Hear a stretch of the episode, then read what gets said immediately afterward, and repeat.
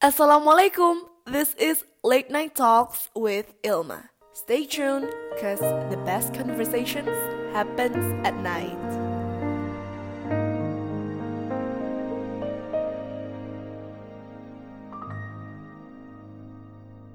Halo teman-teman, Alhamdulillah kembali lagi di podcastku Late Night Talks. Nah, Sebelum kita mulai episode kali ini, aku secara pribadi pengen ngucapin terima kasih yang sebanyak-banyaknya, tulus dari dalam hati aku. Terima kasih buat teman-teman semua yang udah, yang inisiatifnya tuh keren banget untuk ngecek podcastku, terutama yang bareng sama Luna kemarin, karena jujur aja sih aku enjoy banget ngobrol sama dia kayak gitu. Dan ternyata respon dari teman-teman juga bagus-bagus juga ngasih saran terus nyemangatin beberapa ngasih shout out juga. Jadi aku bersyukur alhamdulillah. Terima kasih yang sebanyak-banyaknya deh pokoknya. Oke langsung aja kita mulai podcast kali ini. Nah, seperti yang teman-teman tahu, buat para podcasters atau mereka yang nge-broadcasting kayak gini, nge-broadcasting podcast, ketika mereka berkarya itu kan sistemnya pre-record. Jadi kayak dia direkam dulu audionya, obrolannya tuh direkam dulu, baru kemudian diedit lalu diupload. Nah, untuk episode kali ini kita nggak langsung ngobrol, nggak langsung ada guestnya di sampingku ini. Jadi ini aku record setelah aku udah ngobrol sama guests pakai S ya. Karena guestnya ada dua. Kenapa aku butuh ngobrol dulu sebelum aku uh, sampaikan ke teman-teman apa sih isi obrolan kita. Karena gini teman-teman, topik kali ini kan buat teman-teman siswi kelas 12 terutama atau yang mungkin sudah kuliah atau yang baru kelas 10 11 it's okay. Tapi ini buat kalian yang masih bingung mau milih kuliah apa, mau fokus belajar apa ketika nanti sudah lulus SMA. Nah, sebenarnya judul podcast ini tuh nggak seumum itu, nggak buat kayak semua orang yang bingung. Tapi untuk orang-orang yang pengen tahu tentang psikologi. But wait, wait, tunggu dulu. Jangan langsung exit dari podcast ini karena teman-teman gak tertarik psikologi. Meski guest ini adalah uh, seseorang yang sudah mempelajari ilmu psikologi, aku di podcast ini porsi atau perbandingan antara aku ngomong sendiri ke teman-teman, membahas tentang gimana cara mengatasi kebingungan dalam memilih jurusan dan universitas nanti kuliah di mana, dengan porsi kedua guestku ini menjelaskan tentang ilmu psikologi itu tetap lebih banyak aku ngomongnya. Uh, nanti aku jelasin lebih lanjut sih kenapa kok bisa aku lebih banyak ngomongnya insya Allah. Tapi di sini Aku bikin judulnya tuh umum karena selama aku menentukan pilihan untuk mau bertemu dengan kedua guestku ini, ada background story-nya yang aku pengen share ke teman-teman dan inilah yang menurutku jadi highlight podcast ini ketimbang obrolan aku dengan para guest tentang psikologi itu sendiri. Oh ya, sebelumnya aku kasih alert dulu kalau aku bismillahirrahmanirrahim membuat podcast ini untuk sharing. Semoga sama sekali tidak ada unsur kesombongan ya Rob. Pure untuk kemaslahatan kita bersama ya. Semoga teman-teman bisa dapat manfaatnya. Oke, jadi gini. Seperti yang teman-teman tahu, di Indonesia, negara kita tercinta ini terdapat tiga PTN terbaik. Ya, kalau versi yang aku tahu sih, UGM, UI, ITB atau buat kebanyakan orang juga mungkin beda sih tergantung jurusannya apa. Tapi secara umum tiga itulah terutama buat yang domisilinya di DIY kayak gitu. Karena deket kan terutama untuk yang SNM itu lebih setauku le kemungkinannya tuh lebih besar untuk masuk lewat SNM Nah, buat kita nih, para remaja umur 17-an yang sedang menginjak SMA kelas 12, atau mungkin yang kelas 10 atau kelas 11. Tapi menurutku yang paling bingung anak-anak kelas 12 sih, karena kelas 10, 11 tuh kebanyakan mereka masih, ye, masih baru masuk SMA, masih masih pengen event, pengen, masih pengen ngeprogram sebanyak-banyaknya, pengen berkarya, pengen organisasi. Tapi buat kita nih teman-teman, yang udah kelas 12, pasti banyak banget deh kebingungan, kekhawatiran saat pengen masuk kuliah kebingungannya tuh banyak banget dan udah jadi isu lah setiap tahun buat para siswa-siswi kelas 12. Kayak gimana cara belajar yang efektif, gimana milih waktunya antara belajar dengan sosialisasi. Soalnya kan kalau kelas 12 kan kita udah nggak ada program, nggak ada event, udah nggak or organisasi ya biasanya udah purna sih. Jadi bingungnya antara belajar dengan sosialisasi, ya main, ya istirahat gitu, gimana bagi waktunya, terus juga gimana milih bimbingan belajar yang bagus, bimbel atau privat privat. Nah, gitu deh pokoknya. Tapi yang pengen aku bahas di sini adalah topik yang paling hot, paling panas, paling bikin gemes, yaitu gimana caranya milih fakultas dan universitas yang tepat wah kayak apa banget tepat. Ya maksudnya aku nggak bisa lah bener-bener kayak milihin teman-teman ini yang paling bener ini yang paling ini enggak ini kayak gitu enggak cuma sharing aja pengalaman enggak belum pengalaman juga sih baru mulai. Cuman ini pengalaman awal deh berarti kayak pengalaman yang sebenarnya udah agak going on for probably a year ya. Karena di kelas 11 itu aku udah terlalu mikirin masalah nanti kuliah di mana. Mungkin itu bagus itu bisa dikata bagus untuk beberapa orang tapi menurutku waktu yang aku rasain waktu pas aku kelas 11 terlalu ah beban banget gitu loh. Padahal masih agak lama ya dibanding sekarang. Itu rasanya nggak sehat. Jadi apa yang aku pikirin ketika aku kelas 11 itu nggak sehat. Gimana ya secara untuk mentalku tuh aku kayak terlalu uh, merasa terbebani, merasa kayak kita tuh membawa harapan orang banyak kayak gitu loh. Nah, karena udah aku udah ngerasain itu ya kurang lebih setahun, uh, paling ngerasa sih setengah tahun ini. Jadi sekitar sebulan yang lalu, aku pengen untuk lebih bener-bener serius mencari tahu tentang kuliah, perkuliahan. Aku memang nggak bisa milihin teman-teman mana yang tepat. Cuman pengalamanku ini semoga bisa jadi pelajaran buat teman-teman dan agar teman-teman nggak ngerasain apa yang aku rasain ngerasain gimana nggak sehatnya mentalku nggak nggak maksudnya nggak parah-parah banget sih cuman aku bener-bener nggak nyaman di posisi itu. Dan aku Bismillah pengen banget keluar dari istilahnya mindset yang salah tentang uh, milih fakultas kayak gitu. Dan dan menurutku yang bikin stres itu juga karena ya kuliah ini kan ibaratnya lah ya orang-orang tuh mikir kayak menentukan kayak jalan hidupmu seterusnya kayak gitu. Nah padahal ini salah banget. Maksudnya kuliah nggak mempengaruhi kehidupanmu total ini salah banget. Jadi aku pengen juga share seputar itu juga insyaallah di podcast kali ini. Oke okay aku kadang bingung sendiri kenapa aku ngasih nama podcastku Late Night Talks padahal Late Night Talks tuh kan harusnya kayak santai ngobrolin tentang perasaan tapi ngobrolinnya serius banget ya.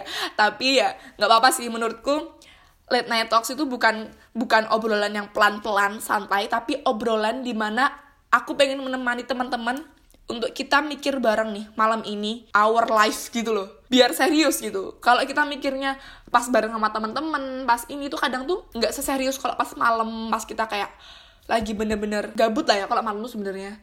Jadi kayak banyak pikiran serius yang sebenarnya mungkin tuh kita singkirkan kalau siang tapi kalau malam tuh dateng kayak gitu. Nah oke lanjut. Nah dilema milih fakultas ini udah jadi industri sendiri loh menurutku. Melihat dari banyaknya layanan psikolog untuk menentukan pilihan jurusan yang tepat, konsultasi nilai gratis dari konsultan di internet yang sukses memetakan pilihan, itu loh yang kayak yang terkenal-terkenal gitu di Instagram. Terus juga berbagai video di YouTube untuk tips paling jitu ngerjain soal SBM atau tips paling jitu juga milih apa namanya fakultas dan lain-lain. Aku di sini ingin sama-sama menyatakan bahwa sampai sekarang aku juga masih bingung. Aku masih uh, aku nggak aku udah kelas 12 ini, maksudnya mau naik kelas 12 ini nggak luput dari kekhawatiran itu sama dengan teman-teman sekalian. Jadi aku di sini pengen membarengi teman-teman sekalian untuk bingung bareng. Tapi bingung barengnya juga cari solusi bareng yuk kayak gitu sih. Nah, jadi aku harap bareng-bareng di journey ini untuk sama-sama melangkah menuju ke cita-cita kita gitu. Asik terutama ya di sekolah-sekolah favorit ya alhamdulillah termasuk sekolahku itu nggak bisa dipungkiri bahwa adanya fakta beberapa jurusan fakultas dari universitas tertentu yang menjadi favorit. Ya nggak bisa dihindari juga sih kan pasti dari beberapa pilihan dari misalnya 100 pilihan itu pasti ada 10 yang top kayak gitu kan. Nah, tapi di sini karena aku lebih tahu UGM, jadi aku ini apa ya basic pemikirannya UGM ya teman-teman. Ini yang uh, data yang aku dapat dari youthmanual.com tentang jurusan paling banyak peminat di UGM, UNS dan dan UNIF di Ponorogo plus daya tampungnya pada SBM 2018 dan ini uh, setahun lalu ya jadi nggak mungkin terlalu banyak berubah sih menurutku. Nah itu di sini tertulis bahwa UGM itu peminat paling banyak kedokteran pendidikan dokter dan btw teman-teman ini peminat 2017 3777 dan daya tampungnya tuh 70 persentase peserta lolos pada SBM 2017 1,85 persen. Masya Allah sih. Terus ada farmasi teknik sipil teknologi informasi kehutanan. Itu kalau yang saintek. Ternyata kebetulan banyak ya di urutan kelima. Terus habis itu ada kalau soshum itu ada ilmu hukum yang paling tinggi, kemudian psikologi, manajemen, akuntansi, dan yang terakhir hubungan internasional. Itu tadi yang aku kurang lebih lah ya. Jadi di sini aku nggak bisa memungkiri, kita nggak bisa memungkiri bahwa adanya fakultas-fakultas tertentu yang itu tuh emang sangat disorot, sangat dilihat orang tuh keren. Kalau ditanyain, kamu kuliah di mana? Uh, saya anak kedokteran bu, UGM. Wah, itu kayak semua orang langsung kayak, wih, anaknya pinter ya bu. Juga fakultas fakultas-fakultas yang lain jurusan-jurusan yang lain yang orang-orang tuh udah punya pandangan keren dulu gitu loh. Nggak nggak terlalu spesifik itu apa. Cuman ini kebanyakan mungkin aku masukin ke kedokteran karena ya kedokteran tuh yang paling kerasa dalam hidupku sih mempengaruhi kehidupanku dan kita juga bisa satu pendapat bahwa kefanatikan lah ya kepengenan yang terlalu berlebihan menurutku ini terlalu berlebihan nanti aku bahas uh, kefanatikan ini tuh uh, datangnya tuh bukan dari yang pengen cari kuliah aja, tapi juga datang dari orang tua orang tuanya. Ya tentu aja siapa sih orang tua yang nggak pengen anaknya tuh sukses, siapa sih orang tua yang nggak pengen anaknya tuh dilihat uh, keren sama orang-orang lain, yaitu anaknya penerus kesuksesannya kayak gitu. Jadi aku sangat paham kenapa orang tua orang tua ini tuh uh, sangat ya ibaratnya sesama fanatiknya sama anaknya pengen masuk kuliah mana gitu. Dan orang tua orang tua ini kalau bersatu kan menjadi sebuah masyarakat ya. Jadi ibaratnya itu tuh udah jadi umum gitu loh. Untuk ya kurang lebih ya mohon maaf berbangga bangga dengan anak-anaknya masuk kuliah mana kayak gini. Dan ini menurutku nggak cuma terjadi di Indonesia bahkan di negara lain kayak Korea Jepang menurutku itu lebih parah lagi. Gimana mereka membanggakan anak-anaknya membanggakan kuliah di mana kayak gitu. Nah jadi aku harap oke okay banget sih kalau teman-teman bisa mengajak orang tua teman-teman untuk dengerin podcast ini juga. Tapi mungkin ya menyesuaikan dengan orang tua teman-teman juga. Nyaman gak dengerin aku yang berisik ini Oke lanjut. Jadi di sini aku paham banget adanya pandangan dari masyarakat awam bahwa fakultas-fakultas tertentu kayak kedokteran ya, HI, terus habis itu ya tadi yang udah disebut-sebutin teknik sipil itu tuh keren gitu. Pokoknya paling top deh, top abis markotop nggak ada jeleknya. Misal aku ya ini kalau dibaratin, dibaratin dengan kata tuh kayak semua yang masuk fakultas kedokteran, teknik sipil, teknik informatika, psikologi itu terjamin sukses gitu loh hidupnya. Aku ya aku yakin sih kalau orang nanyain kayak gitu ya nggak sih siapa juga yang ngira kalau masuk kedokteran masuk stan lah ya. Ya aku lupa belum lupa belum nyebutin kedinasannya kayak stan, stis, militer, kepolisian ibaratnya kalau masuk dinas ya terutama nih ya yang emang udah prospeknya jelas kerjanya ke depannya pasti dapat uang langsung ketika bahkan baru mulai belajar. Eh, orang-orang kan juga fanatik ya terhadap masuk ke dinasan gitu. Sekali lagi fanatiknya akan kurang lebih aku bahas uh, kenapa kok bisa disebut fanatik lah ya. Nanti teman-teman bisa ngejudge bisa kritik aku juga kok. Kamu terlalu lebay sih ngomong fanatik kayak gitu padahal ini biasa aja.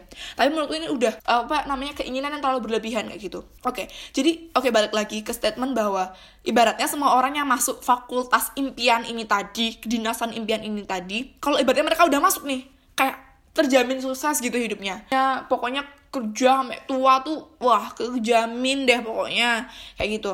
Well di aku atau tidak melihat kenyataan kenyataan yang ada ya memang inilah yang aku bisa lihat ketika melihat aku sendiri ya. Jadi sekali lagi nih pengalamanku sendiri. Jadi berarti inilah yang aku rasakan mengatakan bahwa aku tuh fanatik bahwa beberapa orang tuh fanatik bahwa orang-orang yang pengen masuk fakultas yang emang itu keren banget. Karena emang ya tadi ya masuknya aja satu koma berapa persen gitu ya orang-orang yang bisa masuk sana ya ini tuh gila gitu loh. Dari berapa ribuan orang cuma puluhan yang bisa keterima kayak gitu. Ya aku bisa memahami gitu loh kalau orang-orang tuh sampai fanatik orang-orang tuh sampai pengen yang berlebihan gitu. Ya itu ya pengennya juga diikuti usaha tapi maksudnya di sini aku tidak menyalahkan adanya orang-orang yang uh, terutama termasuk aku teman-teman nggak nggak luput lagi termasuk aku yang fanatik pengen masuk jurusan tertentu. Tapi di sini yang salah yang aku rasakan dulu nggak nyaman banget yang aku rasakan dulu aku pengen lepas dari perasaan itu adalah kemungkinan yang satunya. Jadi 97 persen, misalnya kemungkinan masuk fakultas tertentu 3%. Kita fanatik terhadap kita menjadi 3% itu. Tapi kita tuh lupa kalau kita tuh bisa jadi 97 persennya yang gagal. Jadi, aku pengen teman-teman di sini benar-benar mencerna jalan pikiranku waktu itu gini, kefanatikan, keterlalu berharapan ini rasanya kok overrated banget. Rasanya tuh apa yang aku pengen tuh nggak perlu aku tuh ibaratnya menaruh sedih dan senangku tuh seluruh hidupku tuh di situ gitu loh aku cuma nggak pengen aku dan teman-teman terlalu dibutakan oleh kemungkinan 3%. Dan mari kita bareng-bareng memikirkan the big view, perspektif atau cara pandang yang lebih luas. Jadi, mari kita lepas kacamata kuda masing-masing dan perlahan-lahan menerima dengan akal sehat untuk mengakui bahwa mungkin ya teman-teman, mungkin kita, aku dan teman-teman selama ini sudah salah kalau kita itu terlalu berpaku kepada satu fakultas. Nah, ini dulu deh.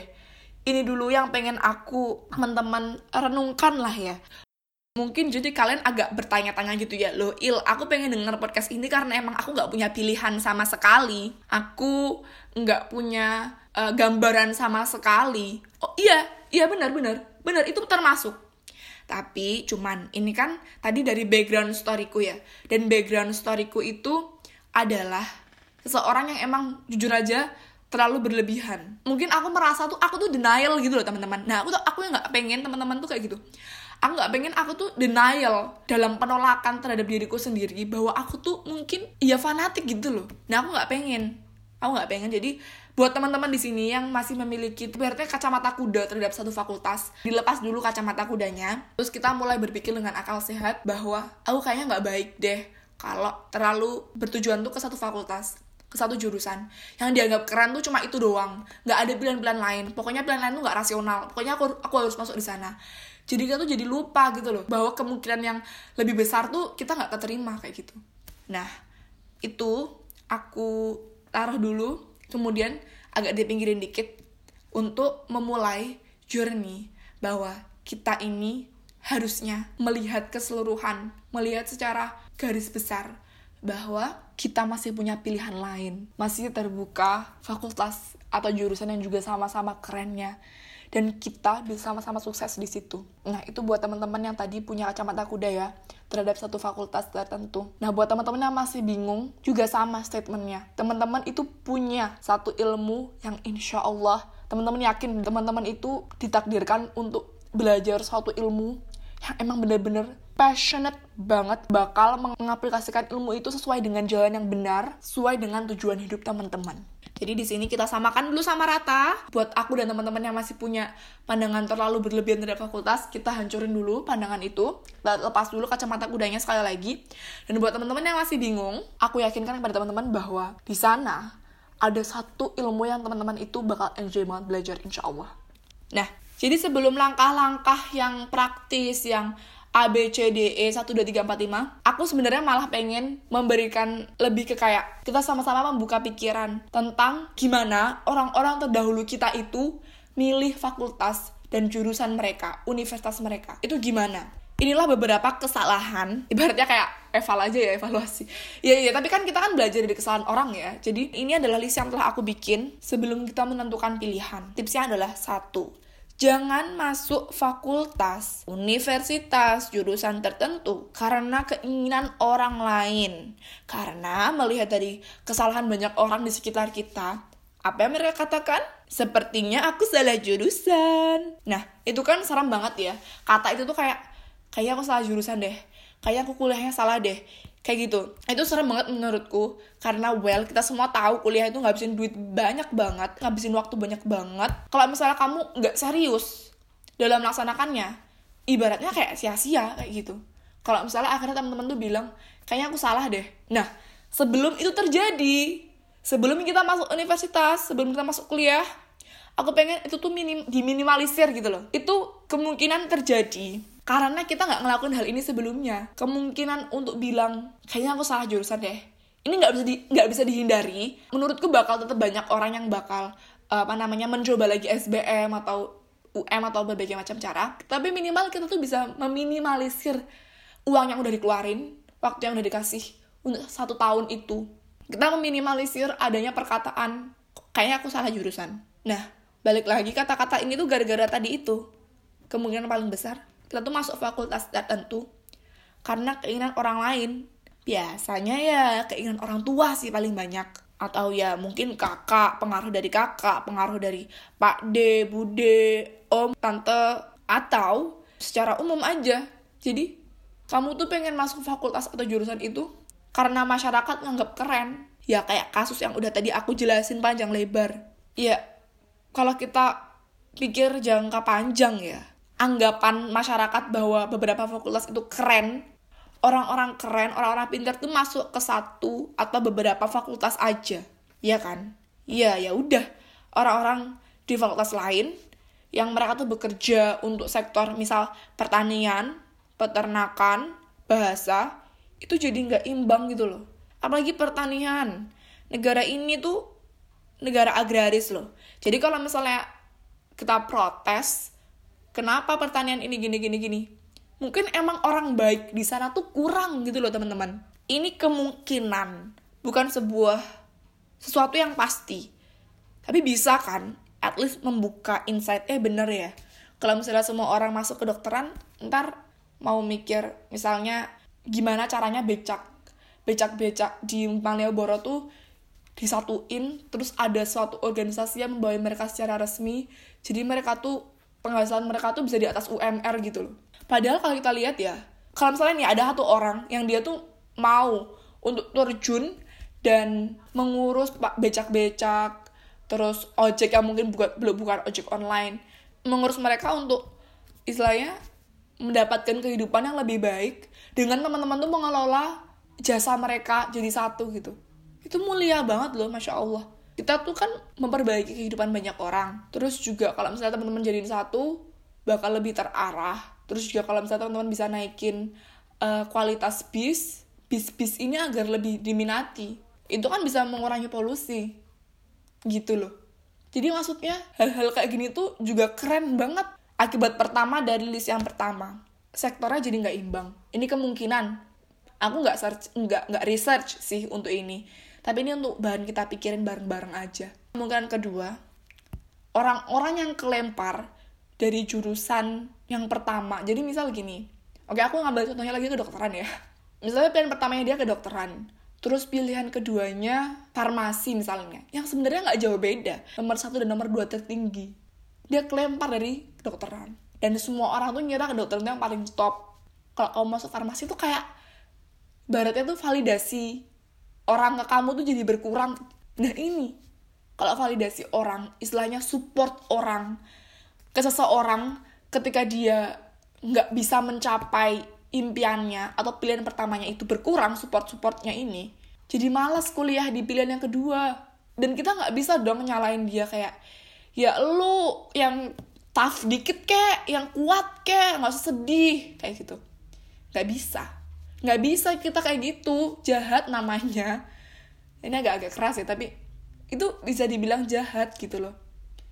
Jadi aku pengen pesan untuk diriku sendiri sih dan juga teman-teman yuk kita sama-sama support orang apa pun yang dia lakukan. Selagi dia tuh mau gitu loh untuk membantu kemaslahatan masyarakat. Aku di sini juga melatih diriku untuk mulai. Ayo teman-teman kita pukul sama rata semua fakultas karena semua ilmu, disiplin ilmu itu bekerja untuk semua sektor yang kita tuh butuhkan untuk kemaslahatan kehidupan manusia gitu loh. Ayo deh, ayo, ayo deh. Bener-bener nih aku ngajak teman-teman dan aku juga diriku karena bisa jadi orang yang kuliah di jurusan atau fakultas yang mungkin nggak terlalu orang-orang lihat keren itu perjuangannya lebih sulit daripada orang-orang yang mungkin dilihat keren kebanyakan orang. Tapi sekali lagi, suatu statement itu kan bisa dilakukan sebaliknya juga. Jadi bukan berarti terus kita jadi kayak support yang di apa fakultas yang nggak terlalu dilihat biar dia jadi semangat lagi terus yang itu nggak disupport lagi tuh enggak. Tapi intinya kita tuh sama rata gitu. Karena semua orang tuh kan bekerja keras ya untuk mendapatkan impiannya, untuk menggapai cita-citanya kayak gitu. Itu tadi yang kedua. Jadi yang perlu dilakuin teman-teman sekarang kan tadi yang pertama kan jangan masuk fakultas tertentu itu karena pilihan orang, jangan karena dianggap masyarakat tuh keren. Karena kalau kalau kayak gitu nanti efeknya ada dua. Yang pertama yang sektor tidak seimbang, terus yang kedua nanti apa namanya orangnya tuh jadi malas kalau misalnya nggak didukung kalau misalnya dia masuknya pilihan kedua nah ini masuk ke masuk tadi sudah masuk ke cara yang kedua bahwa kita harus lihat semua orang itu keren karena mereka udah berusaha di bidang apa pun yang mereka lakukan. Nah untuk yang ketiga dan seterusnya nih teman-teman. Nah untuk ketiga keempat kelima dan yang seterusnya aku kembalikan ke teman-teman. Ini ibaratnya podcast untuk memulai kayak journey menuju perkuliahan. Dari Ilma yang memiliki banyak salah ini. Ini dua pendapat tadi itu insya Allah aku pengen lanjutin ke tips-tips berikutnya. Jadi aku taruh ini dulu deh dua di podcast. Semoga nggak terlalu belibet, semoga nggak, semoga mudah dicerna, insya Allah. Semoga teman-teman bisa dapat manfaatnya. Teman-teman boleh banget, aku malah mohon banget nih untuk mungkin kasih saran, terus juga saran buat tips ketiga, keempat, kelima nih apa gitu. Nanti kita olah bareng dan nanti bisa jadi masuk ke tips yang ketiga keempat kayak gitu. Yang bisa banget juga teman-teman request bahasannya mau apa di podcast berikutnya. Dua cara tadi itu kurang lebih sudah aku mulai terapkan terhadap cara pandangku bagaimana cara aku berpikir ketika melihat fakultas lain dan itu membawaku menuju pertanyaan berikutnya aku butuh alternatif. Karena 99% tuh aku nggak keterima gitu. Jadi aku tanya ke banyak orang cocoknya pilihan kedua aku tuh apa? gitu. Sampai kayak gitu teman-teman. Karena balik lagi ke ceritaku yang tadi ya. Setelah aku menerapkan dua cara tadi setelah melepas kacamata kuda setelah mencoba menata hati menata perspektif juga memukul rata melihat ketika melihat semua fakultas. Itu aku mulai nanya gitu loh pilihan keduaku apa ya enaknya? Sampai saking mungkin ya dulu fanatiknya sampai bingung gitu loh pilihan pilihan keduanya apa ya? Kayak gitu. Kalau mungkin udah punya pilihan pertama bingung nentuin pilihan kedua kayak aku tadi ini baru tanya pilihan kedua. Tapi kalau yang mungkin emang bingung nggak tahu pilihan pertama aja apa ya mungkin bisa langsung tanya gitu loh. Tetap juga setelah melaksanakan tips yang pertama yang kedua biar kita tuh ibaratnya udah mindset mindsetnya tuh udah nggak pakai yang kuno dulu gitu loh. Kita udah belajar gitu loh dari kesalahan kakak-kakak kita kesalahan alumni alumni kita. Yang kita tuh nggak pengen itu tuh terjadi ke kita. Kita nggak pengen ngomong kita tuh salah jurusan salah pilihan kayak gitu. Dan yang jelas aku nggak pengen aku terlalu kecewa kalau misalnya aku nggak keterima di pilihan pertama. Jadi aku tanya sama orang-orang di sekitarku keluarga teman pilihan kedua enaknya apa ya? Kemudian aku dikasih saran ini itu ini itu berbagai berbagai pilihan. Dan semuanya tuh di mata aku ibaratnya hmm nggak worth it gitu loh. Aku pengen tetap di pilihan pertama. Nah ini nih aku masih kejerat dengan kacamata kudaku. Aku masih belum mau menerima bahwa fakultas itu tuh pukul sama rata il. Semuanya tuh keren gitu loh. Aku belum mau gitu loh nerima. Karena aku nggak tahu. Aku nggak tahu mereka tuh belajar apa. Akhirnya aku berani tanya pak itu belajar apa sih kalau di sana? Waktu itu psikologi. Nah ini juga yang akhirnya ke obrolanku dengan para guestku ini. Gimana kalau nanti kamu aku hubungin dengan salah satu dosen perempuan di Fakultas Psikologi UGM terus aku oh ya boleh nah terus akhirnya setelah janjian-janjian aku pergi ke fakultas psikologi. Nah, karena ada kesalahpahaman, akhirnya aku dengan Bu Diana itu, namanya Bu Diana, salah satu dosen di psikologi, memimpin center CPMH atau Center Public Mental Health, kalau nggak salah. Dan itu keren banget sih. Itu aku cuma bisa ngobrol bentar banget, 7 menit, karena beliau udah buru-buru pergi terus aku dikenalin sama salah satu mahasiswa jadi karena Bu Diana mau pergi, Bu Diana ngenalin aku dengan salah satu mahasiswa yang juga aku bisa tanya-tanya dan malah aku ngobrolnya lebih lama dengan mbak mahasiswanya itu. Namanya Mbak Farah. Dia semada lulusan 2015 kalau nggak salah. Jadi sudah mau skripsi. Nah, ini obrolanku dengan Bu Diana dan Mbak Farah sebagai usaha, sebagai ikhtiarku untuk benar-benar mulai menerapkan tipsku ini. Untuk benar-benar ngelepas kacamata kuda untuk benar-benar mau mencoba mencari tahu di fakultas lain tuh kerennya tuh belajar apa.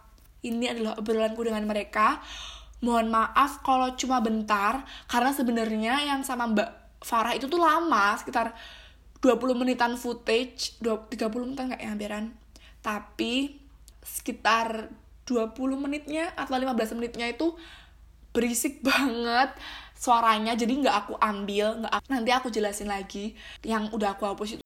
Nah sebelum masuk ke obrolannya aku pengen ngasih background dulu kalau psikologi itu kalau S1 tuh bukan profesi kan jadi kalau menjadi psikolog kan di yang S2.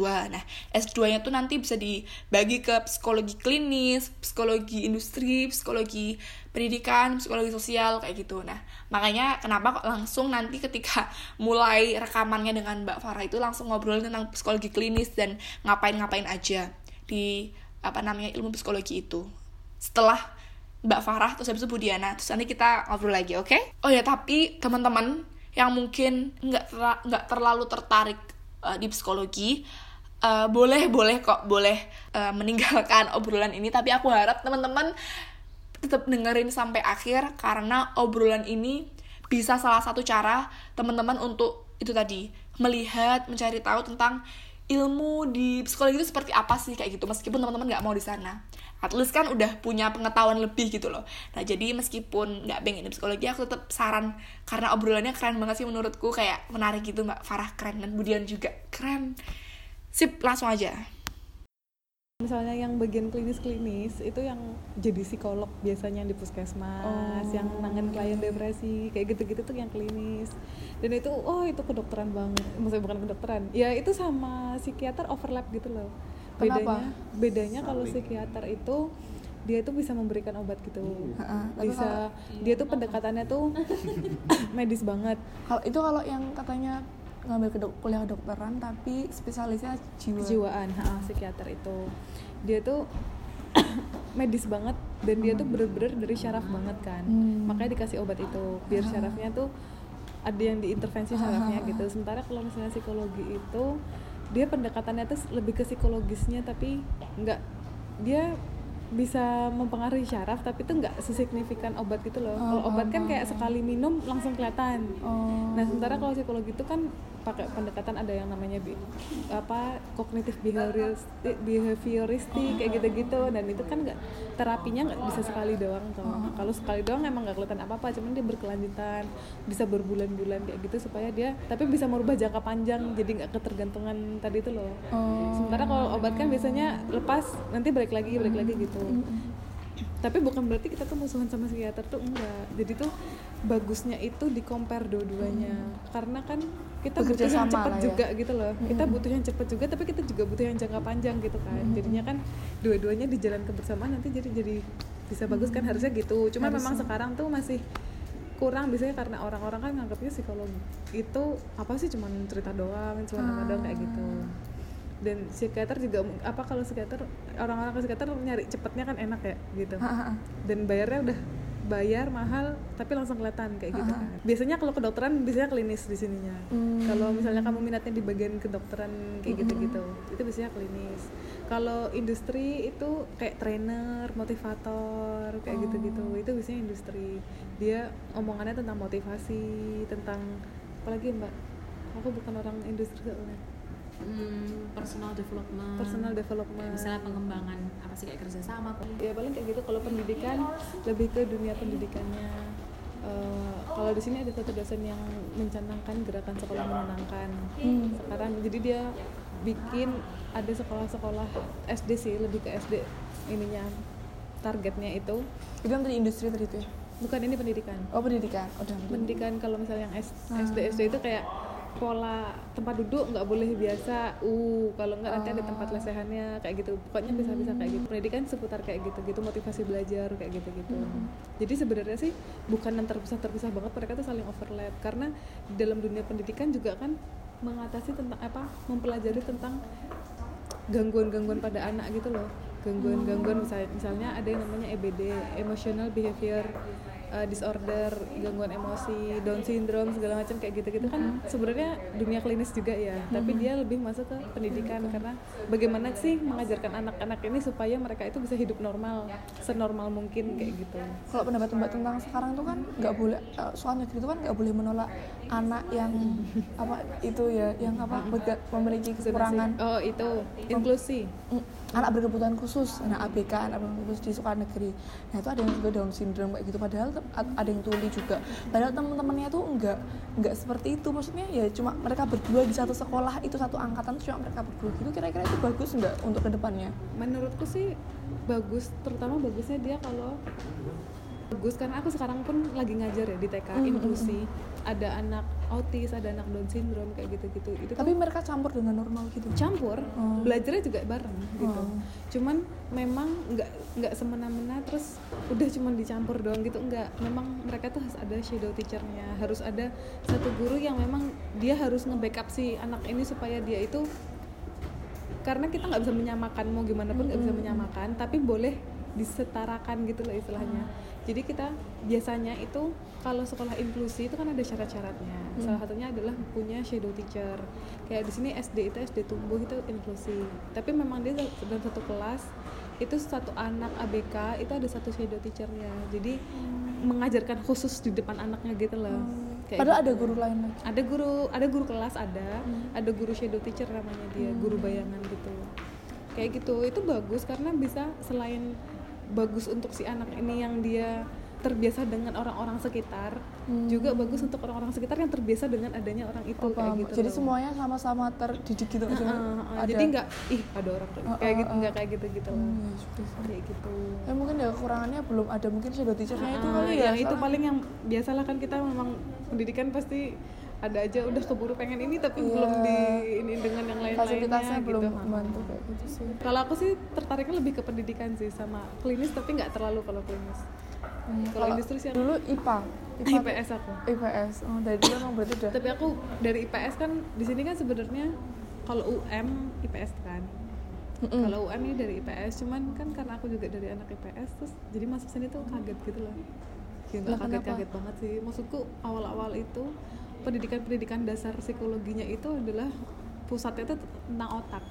Jadi kan itu biologi banget tuh. Oh, Dan gitu. ternyata aku sudah lama long long time ago Mbak belajar ini itu. apa eh, udah S2 apa masih S1? Enggak, masih S1. Aku lagi skripsi. Oh lagi skripsi, berarti semoga dilancarkan Amin. skripsinya.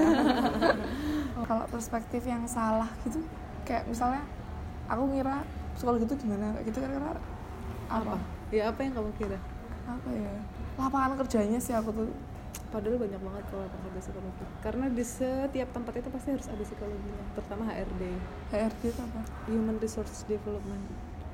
Hmm. Yang bagian rekrutmen, bagian rekrutmen pegawai itu Oh. semua tuh dari psikologi. Enggak semua sih, cuman pasti ada lowongan psikologi lowongan psikologi itu paling banyak hampir di semua perusahaan ada terutama BUMN itu semua pasti ada. Hmm, perusahaan besar sih terutama. Kalau perusahaan startup kan mereka campur-campur kan nggak ada iniannya. Hmm.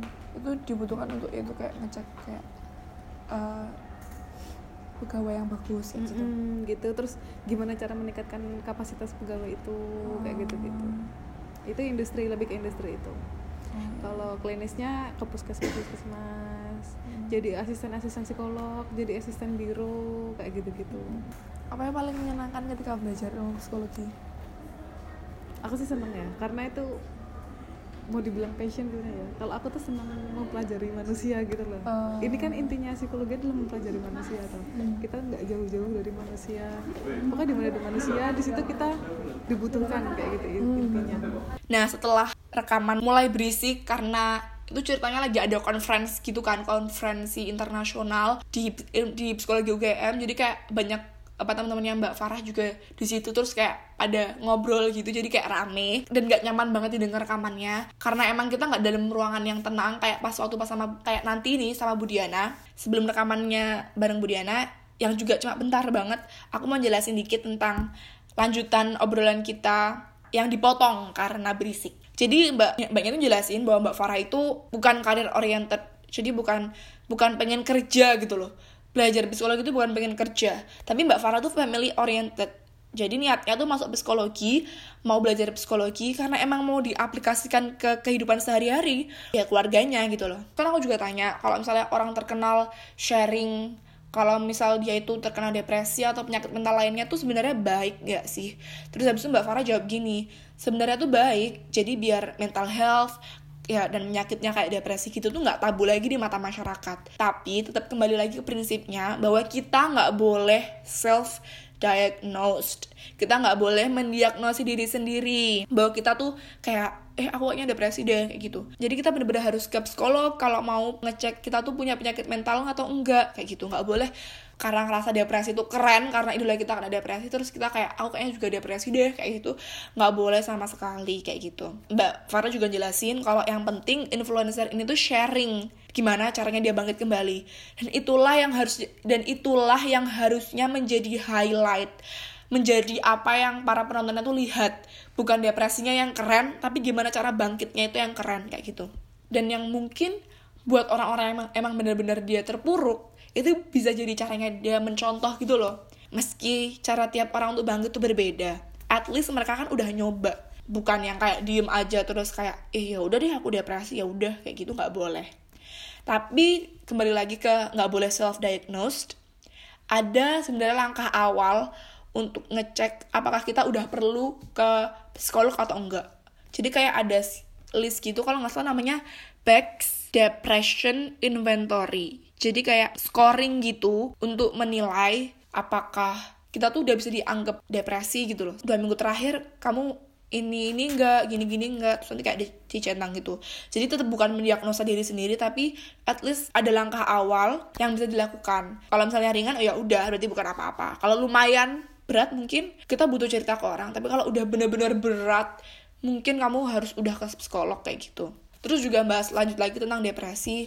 Bahwa depresi itu bukan karena satu faktor. Misal dia depresi karena skripsi misalnya. Itu tuh hanya faktor pemantik aja. Pasti itu udah ada banyak faktor-faktor lain di belakangnya yang kecil-kecil-kecil tapi udah kayak bener-bener menumpuk gitu loh. Misal dia ternyata apa namanya mengalami kekerasan ketika kecil, dibully kayak gitu. Nah, pencegahannya apa? Pencegahannya kalau misalnya kita lihat orang lain itu misalnya kayak aduh aku diputusin nih sama dia, rasanya pengen nangis terus kayak gitu. Terus kamu kayak denger orang cerita kayak gitu atau cerita yang lain lah ya. Kayak dia stres gitu. Terus kamu bilang kayak, "Iya, apaan sih gitu doang? Gue juga kuat kali kalau cuma diputusin." Mungkin kita anggap itu tuh hal kecil, tapi kan tiap orang kan nampung stres tuh kan beda-beda. Terus akhirnya kamu jadi kayak nggak care gitu sama dia. Terus akhirnya dia depresi tapi kamu nggak tahu. Itu juga hal yang berlaku yang sama sih menurutku untuk diri kita sendiri. Jangan misal kita udah kayak aduh udah stres banget udah kayak pengen saya pengen nangis gitu. Kita menyepelekan diri kita sendiri gitu loh kayak iya apaan sih il? Kayak gitu aja nangis kayak gitu kan. Jangan karena pencegahannya kata mbak Farah masalah sekecil apa pun jangan dianggap sepele kayak gitu. Dan kita juga nggak boleh menyepelekan masalah orang lain sebagaimana kita nggak boleh menyepelekan masalah diri kita sendiri kayak gitu. Selain itu juga mbaknya juga sharing. Mbaknya kan punya kakak yang juga di kedokteran. Jadi mbaknya tuh bisa kayak bisa kayak bandingin gitu loh kayak kedokteran dan psikologi. Dan mbaknya tuh merasa bahwa kedokteran tuh stressful banget. Sedangkan psikologi tuh katanya kayak ceria gitu. Bahkan bilang juga kalau belajarnya tuh cuma pas mau ujian aja. Soalnya psikologi kan S1 nya bukan profesi sekali lagi. Tapi S2 nya baru profesi. Jadi katanya baru kelihatan kayak wah pusing gitu nggak tidur kayak gitu. Baru ketika S2 gitu. Terus mbaknya juga jelasin bahwa tekanan seorang dokter dan tekanan seorang psikolog tuh beda tapi mirip gitu loh. Gimana ya? Beda tapi juga bikin bener-bener stres. Misal kayak ya dokter kan uh, tuntutannya kan harus mengobati pasien harus sembuh. Nah kalau pasiennya ternyata gak bisa ditolong dan ternyata meninggal aku nggak mampu untuk nolong orang ini kayak gitu. Dan akhirnya tuh jadi tekanan berat banget buat dokter. Kalau tekanan buat psikolog sendiri tuh kalau misalnya dia udah ini ketemu nih sama kliennya udah sering ketemu ketemu gitu terus ternyata kliennya bunuh diri. Ya kan kalau udah bunuh diri nggak bisa diapa-apain. Itu juga bener-bener kayak jadi tekanan banget juga buat psikolog kayak gitu kan. Ih kita kan ketemu. Maksudnya kenapa kamu nggak cerita? Kayak gitu. Maksudnya nggak bener-bener kayak aku sebenarnya pengen bunuh diri atau gimana gitu loh. Aku terus aku juga tanya gini kalau psikolog itu kan dia pasti kayak membantu seseorang untuk menemukan tujuan hidup yang lain gitu kan. Maksudnya jangan bunuh diri kayak gitu loh. Itu tuh gimana? Gitu. Terus habis itu mbak Farah bilang kalau orang psikolog itu nggak bisa bilang ini tuh lebih baik atau bu lebih buruk. Kayak kamu ikut yang ini ya karena ini lebih baik. Itu nggak boleh nggak bisa. Karena tugasnya psikolog itu ternyata cuma membuka pikiran gitu loh. Cuma membuka insight kliennya dengan cara yang kliennya mau. Jadi misal kayak uh, psikolog itu katanya dikira kayak ya apa sih? Psikolog tuh cuma cerita-cerita aja kayak gitu. Nggak ada efeknya sama sekali nggak kayak yang psikiater itu tadi. Yang ngasih obat langsung kelihatan sembuh karena emang psikolog itu tuh tugasnya cuma berusaha pokok- pokoknya sampai kamu tuh mengeluarkan unek-unekmu sampai kliennya tuh cerita panjang lebar dan dia sendiri yang nanti kayak eh, eh ternyata ini tuh salah ya aku tuh harusnya kayak gini kayak gitu. Nah jadi psikolog itu mengarahkan apa yang klien mau sebenarnya bukan yang benar dan salah kayak gitu loh. Nah di sini sih yang aku agak kurang serak gitu loh. Ya maksudnya aku di sini kan sebagai seorang muslim ibaratnya aku tuh pengen pengen belajar kalau misalnya akhirnya aku belajar ilmu psikologi aku tuh pengen ilmu psikologiku tuh untuk membantu orang-orang menemukan Allah gitu loh. Kembali menemukan tujuan hidupnya dan mengabdi kepada Allah semata. Ya mungkin teman-teman bisa bilang bisa kritik aku untuk masalah ini it's okay. Tapi inilah pilihanku ya klienku yang muslim aku pengennya dia menemukan Allah kembali kayak gitu. Dan itu aku pengennya belajar ilmu psikologi untuk itu dan ternyata tuh nggak boleh kayak gitu. Jadi aku agak agak kurang gimana gitu ketika mendengar hal ini.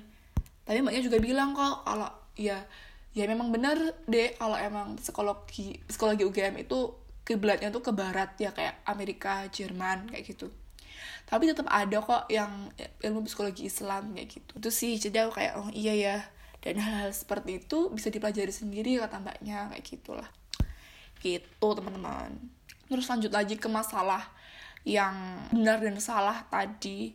Misal kayak ada seorang yang dia datang terus bilang kalau aku tuh kecanduan seks misal kayak gitu.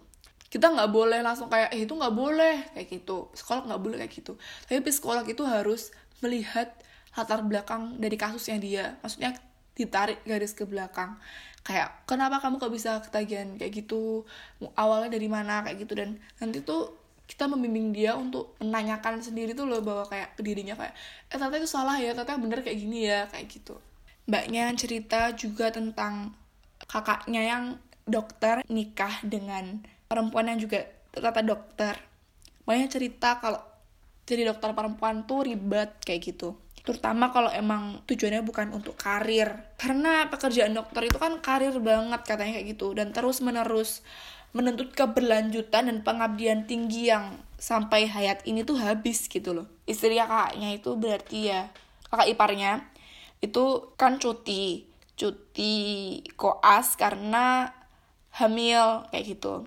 Cuti koas tahun terus cuti lagi setahun karena ternyata hamil lagi gitu kan. Nah setelah udah selesai kalau nggak salah itu jadi kayak lupa mat semua materi gitu dan kayak harus belajar ulang karena udah lupa kayak gitu. Waktu pas mau lanjut koas lagi kayak gitu. Jadi dokter perempuan itu menurut mbaknya ribet menurut mbak Farah. Terutama kalau yang emang tujuannya bukan untuk karir kayak gitu. Karena kalau udah punya anak hmm semua waktu kan buat anak ya jadinya Sedangkan menurut mbaknya kalau ilmu psikologi kan soshum, jadi ya lebih fleksibel, terutama untuk perempuan yang memang tujuannya bukan karir. Jadi ilmu yang dipelajari itu bisa ya buat diterapin untuk anak-anaknya, untuk keluarganya. Menurutku tuh aku serak banget tuh gara-gara ini sih. Tapi tetap kita nggak bisa lihat dari satu sisi itu doang juga, karena ya bisa kok dokter tapi nggak praktek ngambil S2-nya pendidikan maksudnya bukan bukan jadi spesialis kayak gitu. Jadi aku tetap gak gak bisa kayak menyimpulkan bahwa ini statement yang pasti. Kan enggak ya nggak ada statement yang pasti bahwa dokter perempuan tuh ribet dan lain-lain. Tapi maksudnya ini dari pandangan Mbak Farah. Dan ketika aku mencernanya tahu kayak iya juga kayak gitu. Karena emang jujur aja orientasiku orient orientasi orientasiku belajar itu purely buat karena karir. Karena aku percaya perempuan itu diciptakan bukan untuk bekerja bukan untuk mencari nafkah tapi untuk mendidik anaknya. Jadi uh, aku ingin ilmu yang aku pelajari itu untuk mendidik anak-anakku gitu sih. Oke habis ini obrolan yang bareng sama Pudiana ya. Langsung aja itu oh, ada kriteria mungkin orang yang cocok untuk belajar psikologi gitu nggak maksudnya orang tertentu enggak dengan sifat tertentu gitu Hmm. cocok untuk belajar kamu psikologi. cocok dengan anu kayak gini maksudnya iya maksudnya asal tidak terlalu tertutup tidak Ah, terlalu gitu. ini bisa yang penting terbuka mau mencoba untuk mengenal orang baru gitu ya Bu. Hmm. apa sih tang apa dulu saya juga IPA kok eh, gitu Hmm. kenapa kok tertarik ya tertarik karena untuk memahami orang membantu orang kayak gitu gitu. Hmm. membuat orang hidupnya lebih optimal kayak gitu loh. Jadi kalau kalau kekuatannya orang yang dia sudah mengenal ilmu psikologi itu apa? Maksudnya apakah itu caranya dia bersikap terus bisa menilai orang atau gimana? Ya nggak menilai sih membantu orang mencapai gitu. oh, oh, menjalani hidup dengan optimal itu sebenarnya.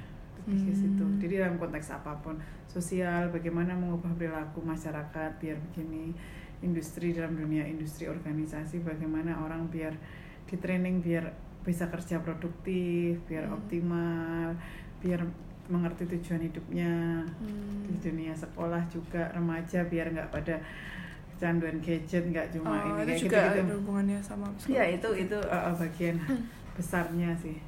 Kan kayak calon mahasiswa baru kayak gitu kan dia kadang masih bingung mau milih Hmm. fakultas apa lah kira-kira apa tanggapan yang kadang tuh orang tuh salah terhadap fakultas Hmm. psikologi? Tanggapan salah. oh iya jadi kayak Mm-mm. perspektif yang salah gitu loh. Ya dikira ya dikira itu dukun kayak gitu Oh, gitu. mungkin ya.